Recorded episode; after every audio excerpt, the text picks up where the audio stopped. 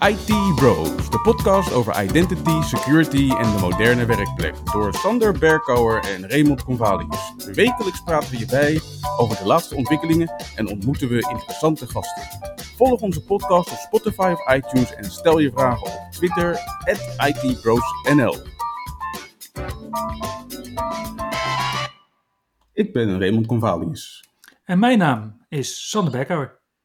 Welkom bij aflevering 25 van de IT Bros podcast. Met deze week het laatste nieuws, de aankomende evenementen, een interview met een oude bekende en uiteraard een productiviteitstip van Ray.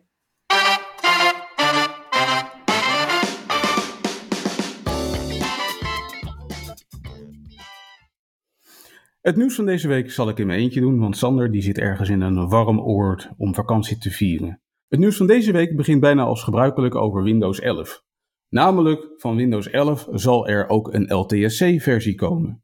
Alleen, zover is het nog lang niet, want de eerstvolgende LTSC-versie wordt 21H1 van Windows 10, die in het najaar van dit jaar wordt verwacht. Betekent dat uh, de LTSC-versie van Windows 11 naar verwachting ongeveer over ongeveer drie jaar uit gaat komen in 2024. Dit is bekendgemaakt tijdens een Ask Me Anything sessie van Microsoft over Windows 11 en Windows 10, over servicing en lifecycle. Ook is de afgelopen week bekend geworden dat Microsoft een einde gaat maken aan de Windows Store for Business en de Store for Education. Beide stores zullen sluiten in het begin van 2023 en in de tussentijd is het de bedoeling dat iedereen gaat verhuizen naar de vernieuwde store die onlangs is bekendgemaakt en die wordt geïntroduceerd met Windows 11. De vernieuwde store is voor beheerders uh, nog niet te gebruiken voor het installeren van nieuwe software, maar naar verwachting komt die functionaliteit vanaf 2022 beschikbaar. En dan kunnen beheerders dus gebruik maken van de Microsoft Store, Microsoft Endpoint Manager of de Package Manager om software te distribueren naar nieuwe installaties van Windows. Ook zagen we deze week een nieuwe versie van Azure AD Connect. Is dat dan nieuwswaardig? Een nieuwe versie van Azure AD Connect? Ja, want dit is namelijk versie 2 van Azure AD Connect. De gratis tool die Microsoft beschikbaar stelt om objecten en hun attributen te synchroniseren vanuit Active Directory en LDAP versie 3 compatibele identity stores naar Azure Active Directory. En versie 2, dat is nog wel een big deal. Want Azure AD Sync kwam uit in 2015. En eigenlijk hebben we al versie 1.0 versies van Azure AD Connect sinds 2016. Dus dit is de eerste echte grote update van Azure AD Connect in vijf jaar. De wijzigingen in Azure AD Connect rechtvaardigen ook die versie 2. Want wat we zien is dat Microsoft enorme grote veranderingen heeft gemaakt onder de motorkap. Niet langer wordt er gebruik gemaakt van SQL Server 2012 Express Edition met Service Pack 4, maar van SQL Server 2019 componenten. En ja, dat houdt helaas wel in dat Azure Connect versie 2, en dit is dan versie 2.0.3.0, de eerste versie 2, dat je die alleen maar op Windows Server 2016 en op Windows Server 2019 op dit moment kunt installeren. Want dat heb je nodig voor SQL Server 2019. Nou heb je ook PowerShell 5 nodig. Uh, je hebt ook nog een aantal andere componenten nodig. Dus vandaar dat het alleen maar op Windows Server 2016 en hoger draait. Versie 2 is ook de eerste versie die echt alleen maar werkt als je TLS 1.2 hebt aangezet. En op Windows Server 2016 zien we dat dat niet standaard aanstaat. Dus dat moet je even aanzetten. Dat is wel belangrijk. Want anders installeert hij gewoon niet. Nou, daar heeft Microsoft dan speciaal in deze versie twee nieuwe PowerShell commands aan de Azure AD Connect installer toegevoegd. Onder de motorkap zien we ook dat de Active Directory Authentication Library, dus ADO, is ingeruild voor de Microsoft Authentication Library, voor MSAL. En that's a big deal, want die ADO, die Active Directory Authentication Library, die gaat dus met pensioen al in juni 2022. Waarna Microsoft eigenlijk aangeeft dat ze niet meer de functionaliteit die is gebouwd op basis van ADO kan blijven ondersteunen. Een aantal andere zaken waar Microsoft dan een beetje een aanloopje voor heeft genomen in de afgelopen versies van Azure AD Connect zien we nu dus ook allemaal standaard aangezet. En dat betekent dus ook dat Azure Connect versie 2 gebruik maakt van het versie 2 endpoint aan de kant van Azure Active Directory. Dat houdt voornamelijk in dat er enorme grote verbeteringen zijn in de snelheid van Azure Connect, maar ook dat het synchroniseren van groepen met nou, tot 250.000 groepslidmaatschappen nu ook vloeiend door Azure Connect worden gesynchroniseerd en worden ondersteund. Heb je nu Azure Connect versie 1 en wil je naar versie 2, dan kun je nu nog niet automatisch updaten. Maar je kunt het natuurlijk wel al downloaden. Het is een 153 MB grote download. En die kun je dan installeren. Mocht je nog draaien op Windows Server 2012, dan is het wel zaak om inderdaad een swing migration uit te voeren naar Windows Server 2016 of hoger. Op het gebied van security was er uiteraard afgelopen week ook weer genoeg te melden. We hebben het de afgelopen week herhaaldelijk gehad over Print Nightmare. Print Nightmare speelt al een aantal weken, heeft te maken met de Print Spooler Service, die als het goed is op uh, alle installaties van de domeincontrollers inmiddels is uitgeschakeld. Afgelopen week heeft Microsoft daar een patch voor gereleased onder CVE 2021-34527. En toen was al vrij snel bekend dat daarmee het remote execution probleem, remote code execution probleem werd opgelost binnen uh, deze bug, maar niet het local privilege escalation issue. Het local privilege escalation issue is sinds deze week ook erkend door Microsoft en daarvoor is weer een nieuwe CVE bekend geworden, namelijk CVE 2021-34481. En daarmee heeft Print Nightmare inmiddels ja, het illustre record, kan je wel zeggen, van CVE's, namelijk dit is de derde CVE voor hetzelfde probleem. De workaround is vooralsnog stop en disable de print spooler service. En voor dit probleem heeft Microsoft nog geen patch uitgebracht. Dus wordt vervolgd. Als je denkt dat Microsoft daarmee klaar was voor deze week, dan kom je bedrogen uit. Want er kwam een wellicht nog ernstiger probleem boven water, namelijk het SAM permission probleem. Wat blijkt, sinds ergens rond Windows 10 18.03 heeft er een wijziging plaatsgevonden in Windows.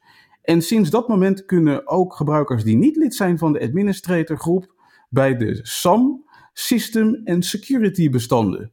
Met deze bestanden in de hand beschikt iedere gebruiker onder andere over de geëncrypte wachtwoorden van alle lokale accounts op een Windows-machine. Ja, iedere gebruiker kan dus via de Volume Shadow Copy deze bestanden ophalen, om vervolgens bijvoorbeeld uh, de private keys van de computer te kunnen bemachtigen, zoals ik al zei, alle password hashes te kunnen bemachtigen, om vervolgens met bijvoorbeeld een tool als uh, Mimikatz een hack te kunnen doen. Of je zou bijvoorbeeld het computermachine account kunnen ophalen om dat vervolgens te gebruiken voor een silver ticket attack. Dit probleem heeft inmiddels ook een CVE-nummer gekregen, namelijk 2021 36934. En er is nog geen patch voor beschikbaar, maar er zijn wel inmiddels diverse workarounds uh, bekendgemaakt. Die van Microsoft komt erop neer dat je een aantal ACL's moet rechttrekken in de registry. En dat je de Volume Shadow Copy Service uh, of je Volume Shadow copies moet verwijderen. Het schijnt ook zo te zijn dat je met het herenabelen van rechtback, dat is een uh, registry backup feature uit Windows 10, ook dit probleem kan herstellen. En als je dacht dat uh, uh, Windows het niet goed voor elkaar heeft door al deze local privilege escalation problemen, dan kom je bedrogen uit, want ook Linux had zijn local privilege escalation probleem de afgelopen week. Namelijk, Qualys vond een buffer overflow bug in de file system driver en bouwde een exploit waarmee je ook als gewone user op Linux rootrechten kan krijgen. En het blijkt dat zo ongeveer alle Linux-distributies hiervoor kwetsbaar zijn. En de bug is inmiddels opgelost in versie 5.13.4 van Linux. Er zijn geen workarounds om hieraan te ontsnappen. Dus uh, Linux-beheerders, begin met het upgraden, updaten van je Linux-systemen.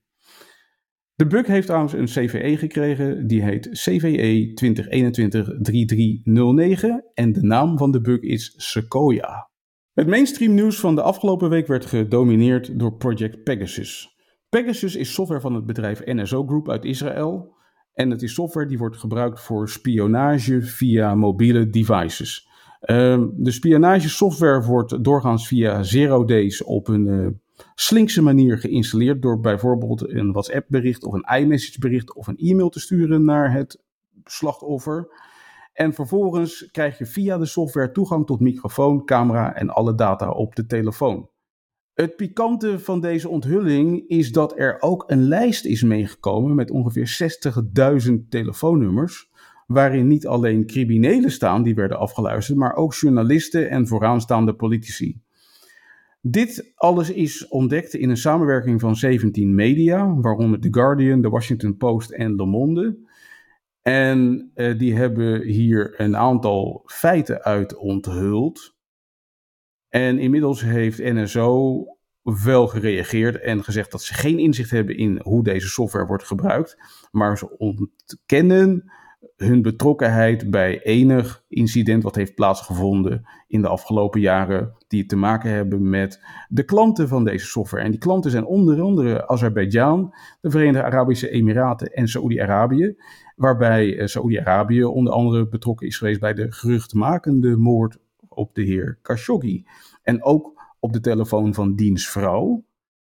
Althans, ook het telefoonnummer van de telefoon van dienstvrouw is aangetroffen tussen de 60.000 telefoonnummers in die lijst. Ik denk dat we de komende week nog regelmatig onthullingen zullen horen over wie er nog meer slachtoffer zijn geworden van de Pegasus software en dat dit nog wel enige tijd in het nieuws zal blijven.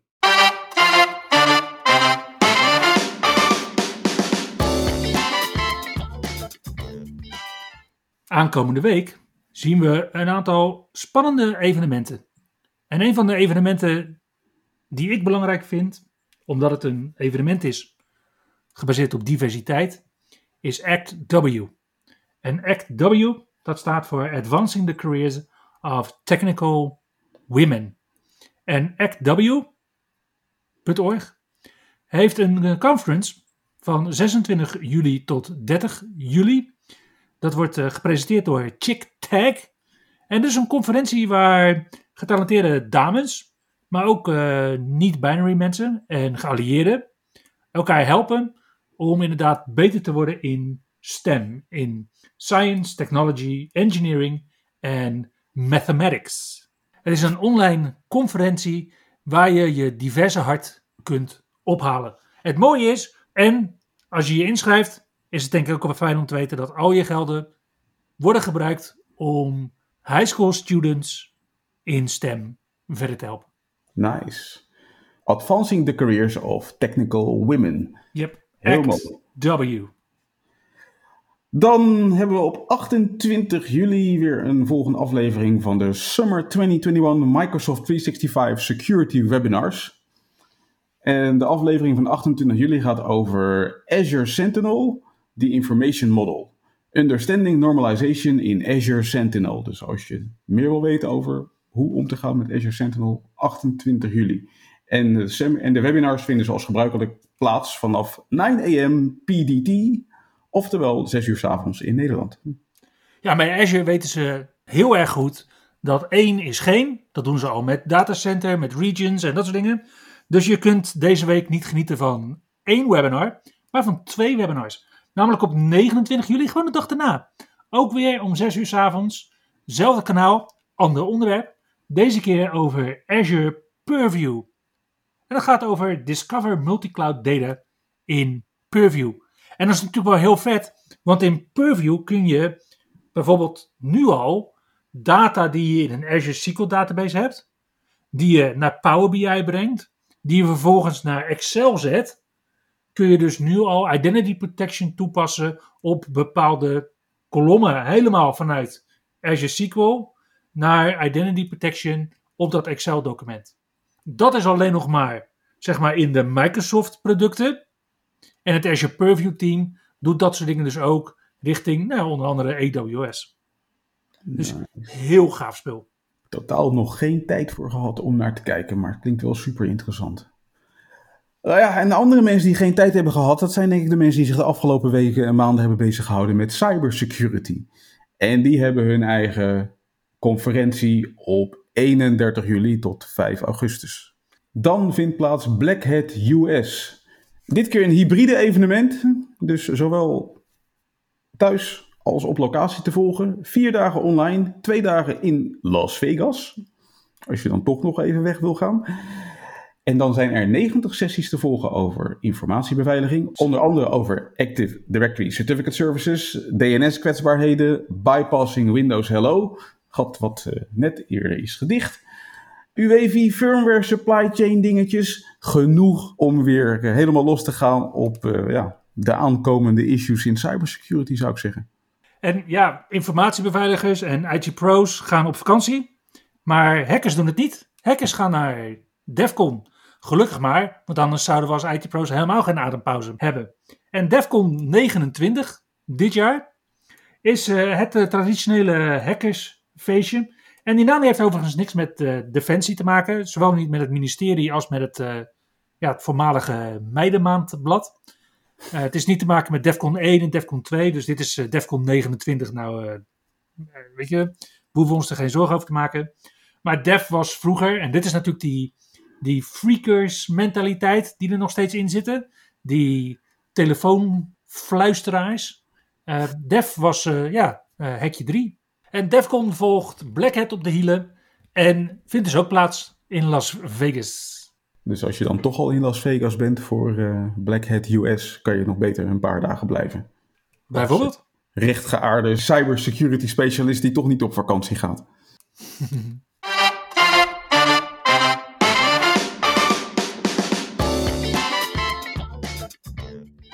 Ik had het er in de intro al even over dat we een oude bekende in de podcast hebben deze week. En het is niet zomaar iemand. Het is namelijk onze gezamenlijke vriend Steven Bink. Welkom, Steven. Steven, wij gaan al jaren terug natuurlijk, maar waar zouden mensen je van uh, kunnen kennen? Ja, goedendag allemaal. Ja, ik heb vroeger een website gehad en die ging uh, over Microsoft technologie. Uh, die heb ik opgezet rond 2000, 2001 was Bing.nu. Uh, dat mijn had ik destijds geregistreerd, waar ik aan het oefenen was met uh, mailservice op te zetten. En Bing.nl was al bezet. Ja, Bing is mijn achternaam. En Bing.nu was, uh, .nu was toen een, een populaire alternatieve domeinextensie voor .com. .com was uiteraard ook al in gebruik. En toen ben ik eigenlijk begonnen met uh, Windows 2000, wat uh, user guides te schrijven. Met name een populair artikel was, ging over zelf een bootable CD maken. CD-ROM heet dat toen in die tijd. Om ja, zelf een Windows 2000 server of workstation cd'tje te maken. En dan kon je nog je service pack in slipstreamen. En dan had je dus een clean install met in één keer Windows 2000 en Service Pack 1.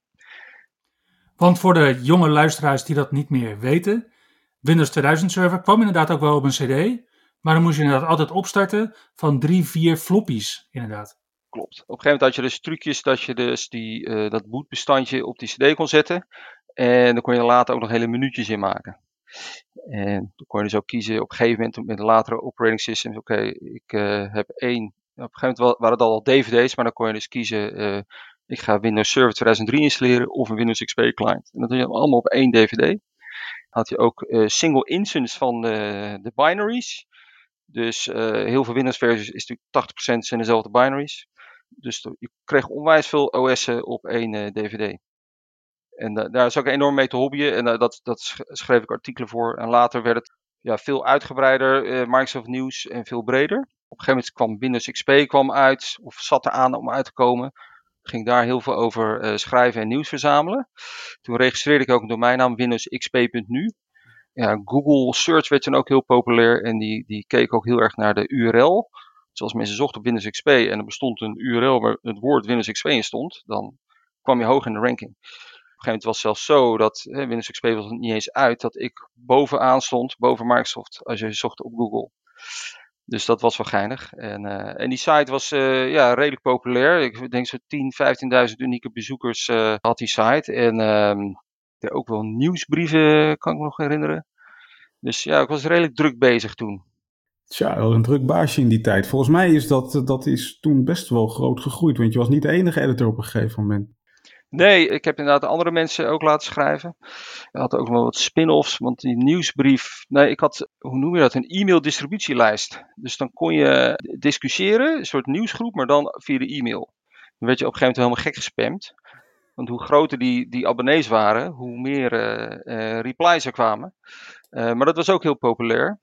En dat is toen op een gegeven moment ook, heb ik dat overgezet naar MSN Groups. Ik weet niet of je dat nog kent. Daar had ik ook heel veel leden. Alleen het kost ook heel veel tijd om dat te, te moderaten. Dus daar had ik ook een aantal mensen voor erbij. En toen werd het nog een beetje berucht, omdat Microsoft die wil eigenlijk toch wel de domeinnaam WindowsXP.nu hebben, want zij vonden Windows is een trademark en dat moeten wij beschermen. En ja, ik was niet van Microsoft, ik was gewoon independent. Dus moest dat inleveren. Ja, dat zet ik uiteraard op mijn website, dat ik die uh, fax had gekregen van een Nederlands advocatenbureau, die dus Redmond representen. En dat verhaal zelf ging dan weer viral. onder andere ook omdat het werd opgepikt door Paul Thurrott. Die had mm -hmm. ook een grote website, Win Informant destijds maar het verhaal ging zo dat het grote boze Microsoft pakte zijn eigen fan aan en om zijn domeinnaampje af te pakken. Ja, dus dat was ook wel een hele bizarre periode. En uiteindelijk heb ik het inderdaad overgedragen en ben ik weer doorgegaan met uh, Bing.nu. En gewoon daarmee verder gegaan met allemaal nieuws uit te brengen. Maar uiteindelijk is mijn relatie met Microsoft wel beter geworden. Want ze, ze, ze ging me toen wel zien als soort pers. En kreeg ik allerlei uitnodigingen als pers. Dus dat, dat maakt het voor mij wel weer interessanter. Ja, je bent ook nog een tijd MVP geweest, toch? Ja, klopt. En het was ook nog controversieel, want het speelde in, in diezelfde tijd. Dus de mensen dachten dat ik in ruil voor die domeinnaam een MVP Award had gekregen. Maar ik, ik was al op de nominatie voor het hele gedoe. En het, het, de MVP-mensen hadden geen idee wat uh, de juristen boven in Redmond allemaal aan het bedenken waren. Dus dat liep langs elkaar heen. Maar als buitenstaander met name de Amerikaanse MVP's, die vonden dat maar helemaal niks. En uh, nu was het ook nog eens zo dat ik de eerste was die voor een website een MVP Award kreeg. Want daarvoor was het alleen als je in een nieuwsgroeps woonde, dat je daar uh, uh, awards voor kreeg. Dus het waren twee punten dat het controversieel was. En ik geloof zelfs dat op de MVP Summit de vragen zijn gesteld aan Steve Ballmer waarom de awards worden uitgedeeld in ruil voor domeinnaam die MVP Summit was ik nog niet, een jaar later wel. Dus toen was het allemaal een beetje bekoeld. Maar ik ben volgens mij drie keer eh, MVP geweest. Maar dat, dat, gaf wel problemen, omdat ik op mijn website dus nieuws bracht, maar ook roddels. En soms ook sommige dingen kon lekken. En dat werd dan niet geapprecieerd. En ik zei, ja, maar ik ben MVP voor Windows Server. En ik lek niks over Windows Server. Maar voor Exchange of ISA Server, wat je toen ook nog had, uh, ja, als ik daar een goed, goede scoop heb, dan uh, zet ik er wel neer. Want ik wilde wel onafhankelijk blijven. En toen dat escaleerde ook een keertje best wel hoog. En uh, daarna ben ik nooit meer MVP ge geworden. maar wat ik zei, ik, ik heb een goede relatie altijd gehad daarna. En door die persstatus gingen er uiteindelijk nog heel veel deuren open en werd ik ingevlogen af en toe. Dus, ja. En waar hou je je tegenwoordig mee bezig, Steven? Um, ja, die website, daar, daar, doe ik eigenlijk helemaal niks meer mee. Sterker nog, die is helemaal uit de lucht. Ik ben altijd freelance IT geweest. Wel gespecialiseerd dus in Microsoft technologie. Ja, inmiddels zit ik al best wel lang bij twee opdrachtgevers. Uh, ik zit uh, voor Shell in Den Haag op het hoofdkantoor. Dan zit ik een soort uh, enterprise-wide international brandweerteam.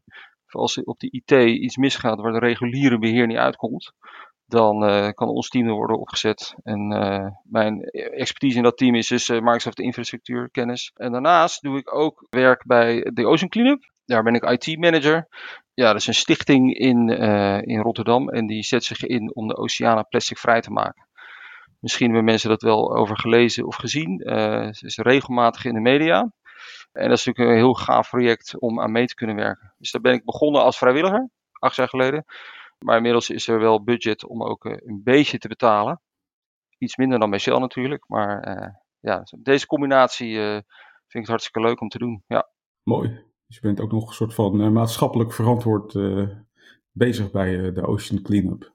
Ja, op een gegeven moment was ik, nou, dus inmiddels acht jaar geleden, maar toen ging een, een video viral van de TED Talk die de oprichter Boyan Slat had TEDx Delft was dat. en vertelde zij een idee om de oceanen zichzelf te laten schoonmaken door de stromingen te gebruiken. En met grote armen, drijvers in het water, het plastic te laten vangen. En dat ja, sprak me enorm aan. Jeetje man, het is gewoon een Nederlandse jongen uit Delft. Nou, ik heb Delft gestudeerd. Niet afgerond, maar ik was er wel eventjes. Ik dacht, nou, ik wil nu eens ook weer wat anders doen dan alleen maar uh, geld verdienen. Wil ik ook wel wat terug doen. En dit lijkt me hartstikke leuk om mee te werken. Dus toen heb ik gemaild van, joh, ik weet niet veel van oceanen. Of uh, ze zochten geloof ik, ja, marine biologists en zo. Nou, dat, dat weet ik allemaal niet, maar ik weet wel IT. Dus als je problemen hebt, uh, laat me weten. En voor mij een week later kreeg ik een mail van, de wifi doet het niet en Outlook loopt vast. Kan je even komen helpen? ja, zo ben ik begonnen. En toen kwam ik daar in Delft, dat ze in een TU-gebouwtje, in een soort bezemkast met z'n vieren. En uh, ja, ze hadden het wifi van de TU, maar dat is steeds afgekikt, want ze hadden geen TU-accounts en weet ik wat. En inmiddels hebben we 120 man. Ik zit op een kantoor in Rotterdam. Nou, ook heel veel vrijwilligers uh, in de wereld. Uh, maken rivieren schoon in Maleisië, Indonesië, Vietnam, Guatemala, en nog meer, veel meer komen eraan. En onze volgende oceaanmissie begint volgende maand. We gaan met een nieuw systeem testen, een nieuwe versie. Als het mee zit, ga ik volgende week naar Canada, want van, vanuit daar vertrekken we. En dan ga ik de schepen uh, voorbereiden voor onze crew, zodat ze daar op het eigen wifi-netwerk zitten en kunnen printen en uh, de NAS kunnen bereiken. En het zijn dus twee vessels. En ik ga ook proberen om intervessel wifi communication op te zetten. Dus dat is een kilometer uit elkaar toch de NAS van een andere vessel ook kunnen bereiken. Dus dat zijn wel leuke dingen. Maar eerst zorg dat ik het land inkom, want ja, we hebben nog steeds COVID-issues. Sinds gisteren zijn we weer rood, geloof ik. Ik ben fully vaccinated, maar ja, we zullen zien. Het is even spannend of je inderdaad het vliegtuig in mag naar. Ja, ja maar wel een geweldig project om eh, dat, dat te mogen doen. Dat is ook een beetje de reden waarom we je hebben uitgenodigd. Want uh, het was ons opgevallen dat, dat jij aan het experimenteren was geslagen met het project van eh, Elon Musk, Starlink. Ja, correct. Dus dat is eigenlijk een project van SpaceX, dus de, het, het uh, spacebedrijf van uh, Elon Musk. Ja, SpaceX die, die uh, hebben als doel om spacefaring civilization te maken. Dat is uiteindelijk het doel. En een doel daarvan is om ook naar Mars te kunnen. Maar voorlopig moeten ze eerst nog naar de maan. En om dat allemaal te bekostigen, ja, hebben ze dus rakettechnologie ontwikkeld die dus reusable is. Zodat je niet elke keer een half miljard weggooit om één satelliet in de lucht te krijgen. Nou, dat is al gelukt. Hè. Je hebt vast die beelden gezien dat, satellieten, of dat de raketten weer landen op een droneship in de oceaan of op een platform op land. Super spectaculair gezicht. Je hebt en het uh, derde droneschip is ook uh, nu, ja, uh, geloof ik, in de vaart genomen. Ja, en die andere, of course I Still Love You, is nu naar de westkust gegaan voor de nieuwe Polar launches voor uh, Starlink Polar. Daar zal ik zo nog meer over te, uh, vertellen. Maar hoe dan ook, SpaceX kan dus die, die satelliet uh, launchkosten relatief goedkoop aanbieden nu. Dus daar verdienen ze leuk geld mee. Alleen ze hebben meer geld nodig om naar Mars te kunnen. Ja, toen bedachten ze, hey, als we nou internet kunnen aanbieden aan de hele wereld, dan kunnen we daar geld mee verdienen en van dat geld kunnen we toekomstige projecten financieren. En dat heb jij? Jij hebt zo'n Starlink abonnement. Ik heb zo'n Starlink, ja. Ja, ja ik want, zat heel lang op de azen, ja. Ja, want ik zag op Twitter inderdaad, en volgens mij ben jij de enige waarbij ik dat ooit heb gezien. Ik zag een Starlink antenne, of eigenlijk een soort schotel is het misschien zelfs meer, op een zwarte Tesla. Toen dacht ik van, hé, hey, eens even kijken wie dat is. En dat was gewoon Steven. en toen dacht ik van, ja, weet je, als IT-pro wil ik, wil ik daar wel wat van weten, weet je. Wil ik eigenlijk wel van Steven horen hoe dat is, dat Starlink, weet je. Als die nou gaat rijden in zijn Tesla, houdt hij dan zijn verbinding? Is het een stabiele verbinding? Zitten we al op die 8 milliseconden die Elon heeft beloofd? Zitten we al aan de, hoeveel duizenden abonnees willen die hebben deze maand? Zitten we daar al aan? Nou, dat, dat soort dingen. Ja, ja. Nee, kijk, Starlink is bedoeld voor zogenaamde rural areas. Dus uh, mensen op het platteland en dus niet op de urban areas. Dus dat komt neer op eigenlijk 3 tot 5 procent van de bevolking. Maar dan hebben we het wel over de wereldbevolking. En dat is toch een heel groot aantal. Want de capaciteit in, in uh, steden is vaak veel beter en veel, uh, de infrastructuur is beter. Dat, dat met satelliet uh, win je er niet zoveel mee. En als je dan ja, met allemaal schotels op een rijtje zit en er komt maar één satelliet over en je zit met z'n allen daarop, dan daalt natuurlijk je bandbreedte en uh, eventueel ook de latency. Dus het is bedoeld voor rural areas of echt in the middle of nowhere. Ja, ik als IT-nerd vond het sowieso super interessant. Maar ook voor klanten van mij, onder andere de Ocean Cleanup, van hey, wij zitten daar rivieren schoon te maken in the middle of nowhere. Uh, wij willen die rivier schoonmaaksysteem natuurlijk monitoren op afstand. eventueel met videosurveillance kijken wat we allemaal binnenhalen. En we hebben operaties op de oceaan. En dat is letterlijk in the middle of nowhere, midden in de Pacific Ocean. Dan zou dit perfect zijn. Dus ik heb me zo snel mogelijk ingeschreven op dit Starlink project. En de beta uh, is begonnen in Amerika. Het is nog steeds beta overigens. De Constellation lanceringen zijn nu klaar voor de eerste Shell rond de aarde. Dus de eerste Constellation is klaar. Alleen ze lanceren van 60 satellieten tegelijk. Het is allemaal een opgestapeld pakketje. En dan laten ze het hele pakketje los. En dan gaan al die satellieten onafhankelijk van elkaar steeds verder uit elkaar. Zijn ze ongeveer twee maanden bezig om in een uiteindelijke positie te komen. Dus ze kunnen zichzelf sturen. Dus dat duurt een tijdje. Dus de, alle fysieke satellieten zijn nu gelanceerd voor de eerste Shell. En in eind augustus zijn ze allemaal in positie. En dan is in theorie alle landmassa bereikbaar voor Starlink. Maar dan ben je dat nog niet, want Starlink moet ook actief zijn en gelicentieerd zijn om in een land te mogen opereren. Die lijst is nog redelijk kort. Maar gelukkig kwam Nederland vrij snel aan de beurt. Dus na Amerika kwam Duitsland, Engeland en uh, voor mij Frankrijk en toen Nederland.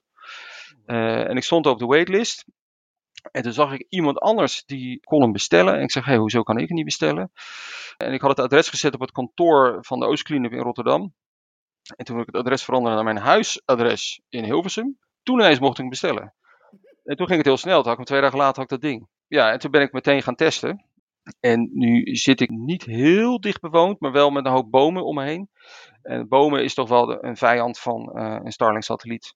Dus hij heeft vrij zicht nodig op het noorden. Maar zodra er eens een boom in de weg zit, ja, dan mis je letterlijk eventjes de connectie.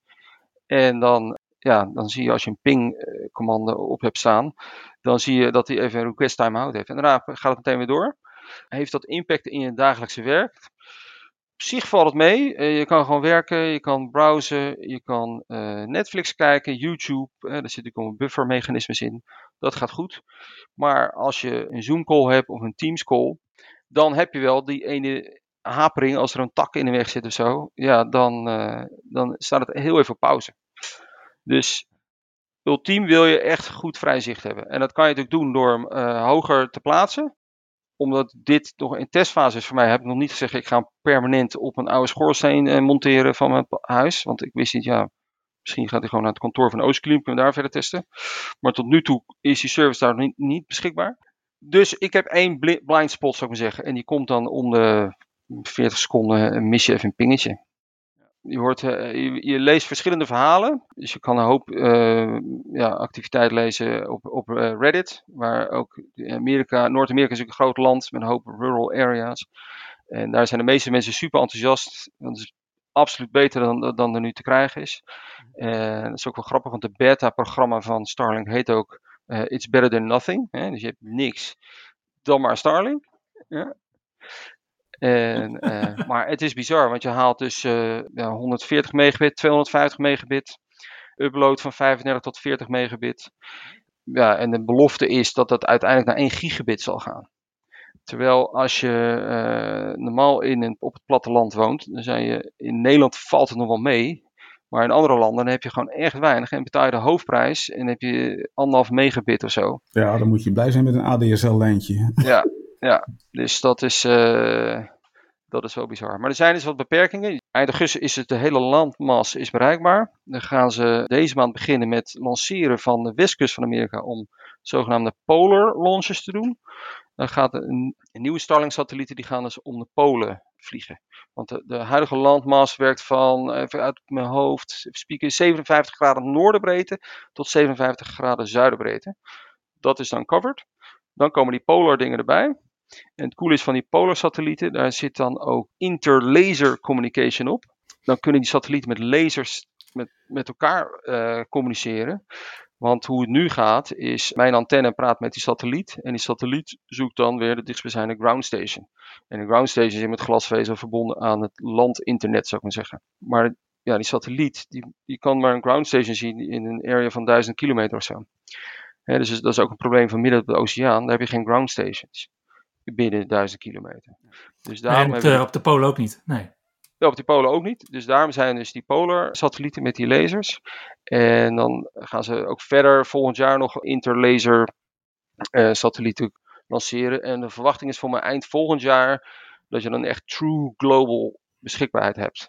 En dan ook weer, dus op de oceaan, midden, midden in de woestijn of op de Noordpool. Maar dan moet ik het zo zien, dus je hebt die, die interlaser eh, satellieten en die hebben dan weer communicatie met andere satellieten om de grond te bereiken? Of? Ja, precies. Dus dan gaat het gewoon uh, relay, uh, relays door tot zo'n grondstation hebben. Nice. En ze willen het dus ook gaan bereiken, want ze hebben een deal gemaakt met Microsoft, met Azure Data Centers voor Starlink. Dus voor de, om oplossing te bieden om een Azure Data Center of een Azure container ergens neer te zetten in the middle of nowhere voor een bedrijf. Maar ook dat je gewoon dicht bij de data bent. Dus dan kom je van Starlink, land je al meteen in de Azure Data Center. En als dat je target is, dan hoef je niet meer verder. En dat hebben ze nu ook aangekondigd met Google Cloud Services. Dan hoop ik ook dat ze gewoon de Google diensten, uh, dus Google Search. Dus dat als ik dan iets intyp, dat ik gewoon eigenlijk Starlink helemaal niet eens verlaat. Dus dan krijg ik supersnelle responstijden. Ja, dus dat, dat is wel erg cool. Maar Starlink is dus nog steeds satellieten aan het lanceren. Ik las ook ergens dat de levensduur van zo'n satelliet ook niet uh, heel erg lang is. Dus ze gaan op een gegeven moment inderdaad ook de niet laser-capable satellieten waarschijnlijk ook weer vervangen. Ja, ik begreep dat die lifecycle of zoiets van 5, 6 jaar is. Want die dingen die. Uh, op een gegeven moment zijn ze in orbit. Uh, ze hebben een juiste plek gevonden dan moet ze af en toe misschien wat bijsturen om, om een andere satelliet te ontwijken, die niet van hun is.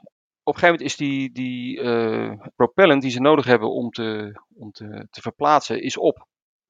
En dan is voor, mij de laatste beweging die ze doen, is gewoon in richting uh, de dampkring terug. En dan duurt het een paar maanden, of misschien ook wel een jaar, voordat hij in de dampkring terechtkomt en verbrandt. Maar continu worden er, zullen er dus nieuwe satellieten worden gelanceerd om te onderhouden. En dan inderdaad nieuwe hardware revisies en, en, en snellere en een betere capaciteit. Net als de Tesla's eigenlijk. Ja, precies. Als je een beetje techner bent, is het hartstikke leuk om te volgen. Het is echt never a dull day. Uh, en zeker ook met Elon Musk uh, aan het roer. Als je die drie dingen volgt, dan uh, ja, kan je zo'n dag vullen met nieuws lezen. Of, of een half uur podcast. Zomaar. Exact, exact. Want hoe relaxed is dat als je gewoon even in je commute even helemaal bijraakt door even naar een podcast te luisteren. Zo, ik heb in ieder geval een hoop geleerd over dit hele verhaal. Want ik moet eerlijk zeggen dat ik me nog niet echt wat verdiept in de SpaceX. Maar dit heeft dus wel de potentie om uh, groot te worden. Ja, want als je ziet hoe andere huidige satelliet internetaanbieders, uh, die kosten die daaraan hangen, en zeker voor de maritieme wereld, dat is echt gigantisch. Maar er is gewoon weinig keus. Maar dat praat je echt over duizenden dollars per maand. Ligt er een beetje hoeveel bandbreedte je krijgt. En dan heb je het echt over maar 1 megabit of 2 megabit en een mega latency. Want die hebben maar een paar satellieten heel hoog staan, zodat ze heel veel customers tegelijk kunnen bedienen. Ja, en heb je wel een beurs dat je naar 8 megabit kan bijvoorbeeld. Maar die beurs kan je alleen krijgen als het om je heen niet zoveel is. Midden op de oceaan is de kans groot dat je die beurs wel mag krijgen. Maar als je in de haven ligt, dan, uh, dan met al die andere schepen die op diezelfde satelliet zitten, wordt dat lastig. Dus dat wordt een aardige concurrentie uh, voor hun, dit Starlink. Want Starlink kost nu in de Better Than Nothing beta 99 euro in Nederland uh, per maand. Je moet wel het apparaat aanschaffen, die is 500 dollar. Dus niet goedkoop. Maar als je weet dat het ding 1000 dollar kost om te maken. Hè, dus ze geven subsidie voor dat ding op dit moment. Ja, en het is echt nieuwe, bijna alien technology, hoe dit werkt. Want die, het, het is dus niet een schotel zoals je gewend bent van, van satelliettelevisie. Wat eigenlijk een soort kuip is met zo'n center point waar alles op geconcentreerd wordt. Maar het is wel een rond apparaat met een platte uh, bovenkant. Uh, maar daarin zitten dus een phased array antennes. Ja, er zitten dus tientallen an antennetjes in, in een array. Helemaal technisch precies hoe het werkt, kan ik niet uh, in Jip taal uitleggen. Omdat ik het zelf niet helemaal bevat ook. Maar ja, ik kan dus meerdere uh, satellieten volgen en elk antennetje kan die satelliet in de gaten houden. Dus ik ga van in milliseconden schakel je van de ene satelliet naar de andere. Wat wel elke minuut kan, zou je kunnen schakelen naar een nieuwe satelliet die voorbij vliegt. Ja. Nadeel is nog wel dat uh, als je, denkt nu meteen, oh lachen, ik ga zeilen op het IJsselmeer of uh, op de oceaan en ik neem zo'n Starlink. eh, mee. En dan kan ik, heb ik gewoon 150 megabit op de boot in middle of nowhere. Dat is inderdaad een fantastisch scenario. En dan gaat het ook wel naartoe. Maar nu is dat niet mogelijk nog. Want ze werken nu nog met zogenaamde celcapaciteit. Dus ze pakken een kaart en ze zeggen: Oké, deze, dit gebied gaan we bedienen. En uh, daar gaan we luisteren naar onze terminals, onze dishes. Dus als ik nu in mijn Starlink-account ga, kan ik zeggen: Hey, ik heb nu service bij mij thuis in Hilversum, maar ik wil het op ons kantoor in Rotterdam. Dan kan ik het op de kaart aanwijzen. Ik wil het exact daar hebben. Gaan met Google Maps. En dan zegt hij: Nee, deze plek hebben we nog geen service. Dus dan kan je hem dan wel neer gaan zetten, maar dan krijgen we dus geen service. Op een andere plek is het neer en zegt: Nee, deze cel is vol voor capaciteit. Dus dan heb je weer nieuwe satellieten nodig om meer capaciteit te krijgen. dus dat, dat zijn de limieten nog. Dus je kan nog niet ook met je camper uh, ermee weg. Het is echt bijna geofence dus uh, aan, aan, je thuislocatie. Die zie je wel gasten op internet die gaan dan die randen opzoeken. Hoe ver kunnen ze rijden tot dat ze nog kunnen gebruiken. Allemaal leuk en aardig. Maar er, komt dus wel een mobiele versie die is aangekondigd. Er komt ook een nieuwe type schotel die kleiner is. En ook minder stroom verbruikt. Want deze verbruikt redelijk power, 100 watt. Als je het oppervlak aanraakt van uh, de schijf of de dish, dan uh, voel je echt warmte. In het begin was de rollen, oh, dus voor de winter zodat de sneeuw eraf druipt vanzelf. Maar het, het, is gewoon echt gewoon power wat hij aan het gebruiken is. Want eronder zitten al die phased array antennes. Maar er komt dus een nieuwere, kleinere, die is vierkant zijn de roddels. En ja, die zou dus minder watt moeten gebruiken en die zou dus wel mobiel ingezet kunnen worden. Maar wat ik je dus eigenlijk hoor zeggen, is dat een zeilende IT Pro vandaag de dag beter een hele coole blauwe zonnebril kan kopen. Waarmee die dan dus de Ocean Cleanup sponsort. Zodat Uiteraard. al het vaarwater wat schoner wordt. In plaats van vandaag de dag met Starlink aan de gang te gaan. Klopt. Dus vandaag dag is Starlink bedoeld voor platteland, waar je dus geen goed internet kan krijgen. En dan heb je echt een fantastische service. Maar nog niet met je camper of met je zeilboot. Dat duurt denk ik nog zeker een jaar. Heel interessant. Ik heb hier echt wel uh, een hoop van meegekregen. Boeiende ontwikkeling die we zeker in de gaten moeten houden. Ik bedoel, uh, Elon Musk heeft ons al eerder uh, verrast met mooie technologie. Waar we volgens mij nu alle drie in rondrijden. Dus Kijk er naar uit. Steven, bedankt. Bedankt voor je verhaal. Ik ja, kijk er naar uit om uh, binnenkort een keertje het komen uitproberen. Maar, Ja, het mag zeker. Graag gedaan. Hartstikke leuk om hierover te vertellen en om, om met jullie weer te spreken. Ja, en tot snel weer. Tot snel. Dankjewel. Tot ziens. Bedankt. Doei doei.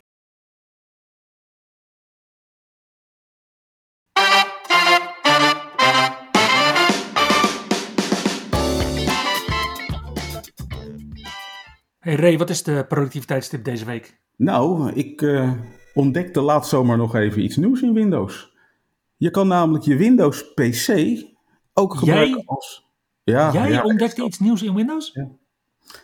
Ergens vaak kan ik me herinneren dat ik het ooit wel eens een keer had gelezen, maar het is toch wel weer leuk om het nog eens een keer voorbij te zien komen. En toen heb ik het ook maar gelijk in, even geprobeerd in de praktijk. Je kan namelijk je Windows PC gebruiken als tweede scherm, als wireless display.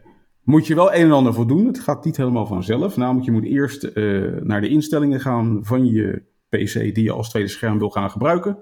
Daar moet je uh, op zoek gaan naar de, naar de system setting. Die heet Projecting to this PC. Daar zie je een optie om een optional feature te installeren. Die heet Wireless Display. En als je die hebt geïnstalleerd, heb je de mogelijkheid om Projecting to this PC in te stellen in de instellingen. En als je dan vervolgens de Connect-app opstart op die PC, dan kan je vanaf een andere PC doen alsof deze eerste PC een wireless display is. Dus zoals je dat ook doet met de wireless display adapter die je wellicht al eens hebt gebruikt. Met Windows Toets P. Juist, Windows Toets P. En dan kies je inderdaad voor uh, de remote display om de PC die je dan net hebt ingesteld te gebruiken als je tweede scherm. Ik heb dit geprobeerd. Alleen ja, bij mij was het resultaat toch niet helemaal bevredigend. Misschien omdat ik een afwijkend displayformaat gebruik. Maar ik heb zo'n hele brede monitor, zeg maar, op één PC.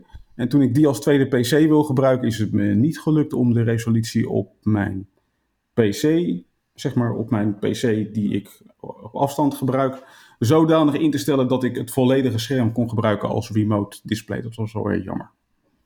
Er werd alleen een, eh, een standaard schermresolutie waarschijnlijk ondersteund. Ja, precies. Ja. Maar al met al, eh, ja, dit kan best nog wel eens een keer een, eh, een hele leuke optie zijn om een tweede scherm te koppelen aan je PC. Functionaliteit zit gewoon in Windows ingebouwd en heb je niet eens een wireless display adapter voor nodig. Nee, en dat is dus prima voor al die apparaten met maar één HDMI of maar één DisplayPort uitgang. Je kan er inderdaad, als je een hele zwerm, ja, dat vind ik nou weer moeilijk. Deze discussie hebben we al eerder gehad, hè? Hoe heet dat nou? Heb je dan, heb je dan meerdere surfaces? Of is het dan surfi? Of als je er echt een hele berg hebt, is het dan een surfarm? Maar goed, als je dus heel veel surfaces hebt, kan je daar toch wel een, een mooie beeldschermwand mee maken. Ja, ja, ja. Nou, daar kan je echt hele leuke dingen mee doen. Kijk er naar uit om dit eh, vaker toe te gaan passen. Daarmee Ja. zijn we aan het einde gekomen van aflevering 25 van de IT Bros podcast. En eh, bedankt voor het luisteren. En hopelijk tot de volgende keer. Tot de volgende keer. Doei doei. Je luisterde naar IT Bros, de wekelijkse podcast over identity, security en de moderne werkplek. Abonneer je op Spotify, iTunes of Google Podcast als je de volgende aflevering niet wilt missen. Heb je hints of tips? Laat dan van je horen op Twitter. @itbrosnl